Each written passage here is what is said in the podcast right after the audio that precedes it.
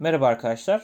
Doublecast'in bir diğer bölümüne hoş geldiniz. Bu bölümde Burak'la ben beraber size normlar hiyerarşisinin nasıl bir hiyerarşik düzen olduğunu ve günümüz devletlerinde özellikle hukuk sistemlerinde normlar hiyerarşisinin önemini ve işlerliğinin bozulmasının nasıl problemlere yol açabileceğini genel bir ifadeyle özetlemeye çalışacağız. Öncelikle isterseniz normlar hiyerarşisinin nasıl bir şey olduğundan bahsedelim.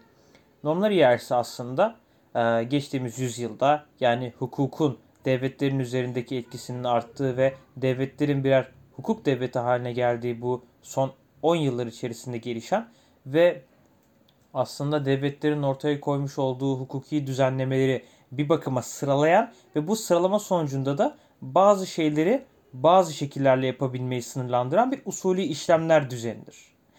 Normlar hiyerarşisi aslında bize bununla beraber bir diğer anlamda da e, kim hani hangi insanların veya hangi düzenlemelerin nasıl ve ne şekilde yapabileceğini ve nasıl ve ne şekilde sonuçlar doğurabileceğini açıklar.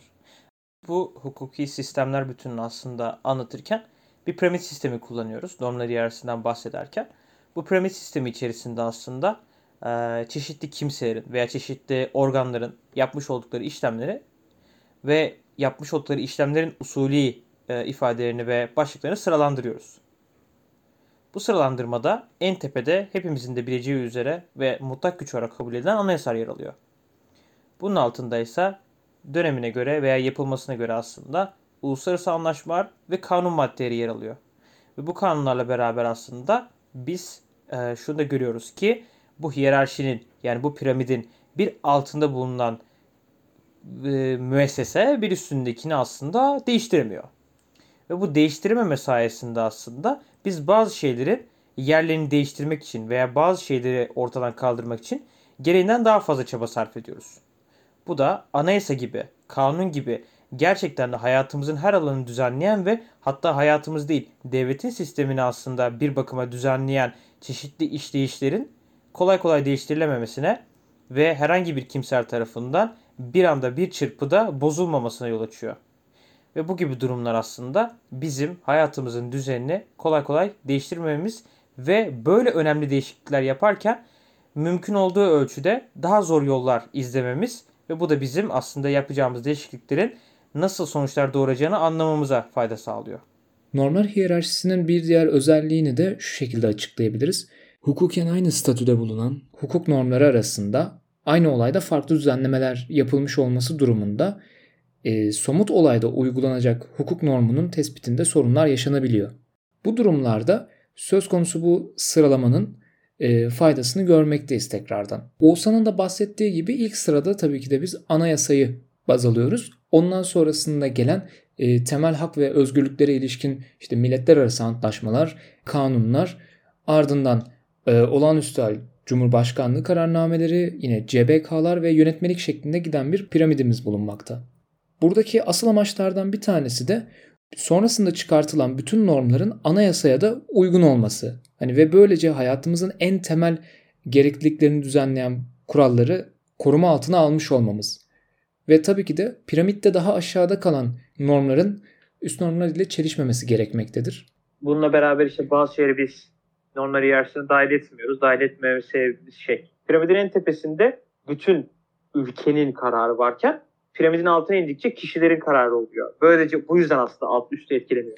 Ama üst altı etkiliyor. Ya aslında şöyle bir şey var hani e, yani normal piramidine dahil olan bütün saydığımız işte anayasa, temel hak özgürlükleri ilişkin milletler arası anlaşmalar ve geri kalanları e, genel toplum hayatını tamamen etkileyebilen normlar. Ama diğer taraftan örneğin genelgeler gibi düzenleyici işlemler ise aslında bütün toplumun hayatını etkilemekten ziyade belirli kişilere genel olarak kanunun açıklanması ve yapacakları işlemler hakkında direktif verilmesi şeklinde e, belirlenir ve çok daha küçük bir kitleyi etkiler. E, mesela bununla beraber genelgede aslında normlar hiyerarşisine dahil değildir.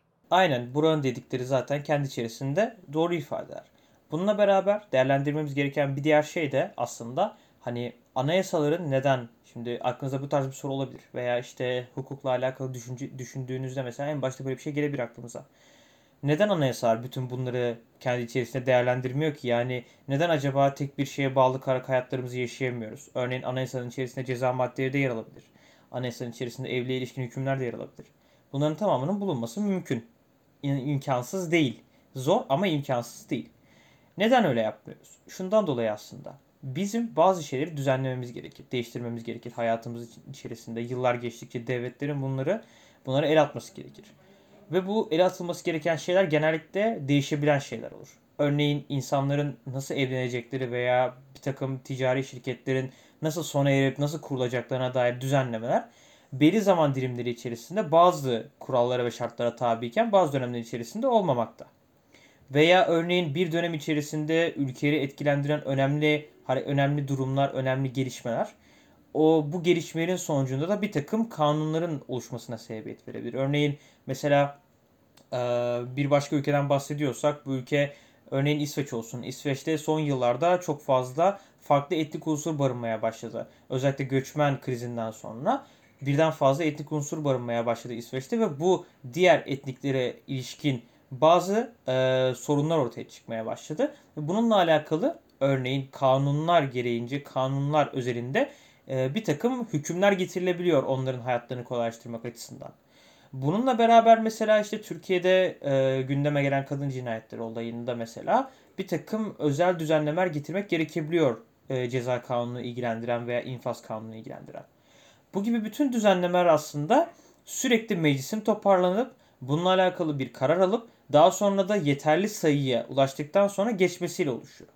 Ancak bir anayasa değişikliği demek bütün dev, bütün milletin bir araya gerek bir referanduma gitmesi anlamına geliyor. Veya bir milletler arası sözleşme bütün millet devletlerinin onaylaması anlamına geliyor. Bu gibi aslında en başta benim de buranın da açıkladığı gibi zorlukların olduğu hani normal yersinde yukarıya çıkarken zorlukların daha fazla arttan bahsetmiştik ya. Bu tarz zorlukların oluşmaması ve bu gibi olayları nispeten daha hızlı çözümleyebilmek adına bazı şeyler normal yersinde altta kalıyor ve biz bunu anayasanın içine dahil etmiyoruz. Çünkü anayasa aslında esasında bir hukuk tesis edici halinde o rol içerisinde kendine bir sorumluluk belirlemiş. Ancak bu gibi özel olaylar yaşandığında bunlar yönetmeliklerle, Cumhurbaşkanlığı kararnameleriyle ve yeri gelince de kanunlarla düzenlenebilen şeyler. Ancak ama yine de hatırlatmak gerekiyor ki bütün bu düzenlemelerin hepsi normlar hiyerarşisinde hangi seviyedeyse eğer üstünde bulunan her bir hiyerarşik düzende düzen içerisindeki müesseseye uygun olmak zorunda. Bir kanun, milletler arası anlaşma ve aynı zamanda da e, anayasa uygun olmak zorundayken bir yönetmelik hem kanuna hem anayasaya hem milletler arası anlaşmalara hem de Cumhurbaşkanlığı kararnamelerine uygun olmak zorunda. Bir diğer şey de tabii ki normlar hiyerarşisi değil, normlar hiyerarşisinin dışında kalan bütün düzenleyici işlemlerde aslında bütün normlar hiyerarşisine uygun olarak gelişmek zorunda. Eğer ki normlar hiyerarşisinin aksine bir durum söz konusuysa ve aslında görev alanının dışına çıktıysa biz bu düzenlemelere kanuni diyemiyoruz. Lawgercast'in bu bölümünden de bu kadardı. Sorularınızı ve önerilerinizi bize Instagram sayfamız aracılığıyla iletebilirsiniz. Sonraki bölümlerde görüşmek üzere.